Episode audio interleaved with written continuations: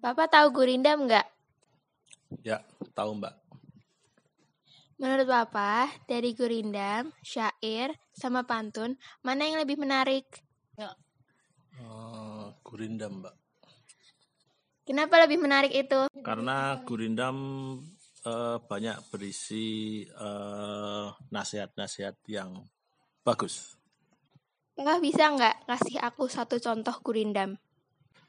Contoh gurindam itu seperti eh, belajarlah di usia muda, janganlah kamu tunda-tunda.